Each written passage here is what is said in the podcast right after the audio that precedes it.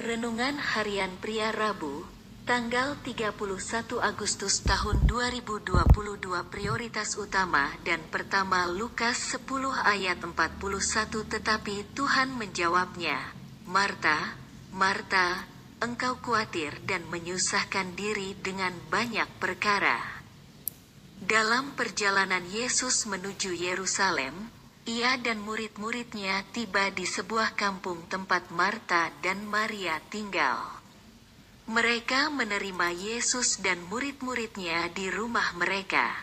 Marta sibuk sekali melayani untuk mempersiapkan segala sesuatu bagi Yesus dan murid-muridnya. Sedangkan Maria duduk dekat kaki Tuhan dan mendengarkan Yesus berbicara. Dan itu membuat Marta kesal lalu meminta Yesus menegur Maria. Akan tetapi Yesus malah menegur Marta yang khawatir dan menyusahkan diri dengan banyak perkara. Dan memuji Maria yang duduk di dekat kaki Yesus mendengarkan perkataannya.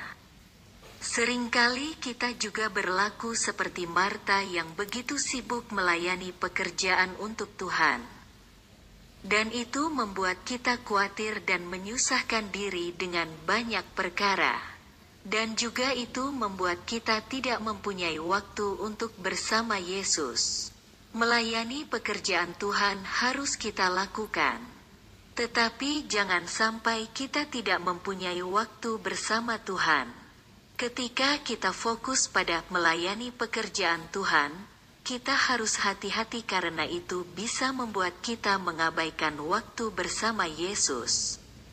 Seperti yang dilakukan oleh Marta. Jadi prioritas utama dan pertama kita adalah bersekutu dengan Yesus dan firman-Nya. Setelah itu kita melakukan pekerjaannya dengan anugerahnya. Refleksi diri. Apa yang firman Tuhan katakan kepada Anda? Bagaimana kehidupan Anda dengan firman Tuhan itu? Catat komitmen Anda terhadap firman Tuhan itu. Doakan komitmen Anda itu, pengakuan iman. Setiap hari saya melakukan prioritas utama dan pertama yaitu bersekutu dengan Yesus dan firman-Nya.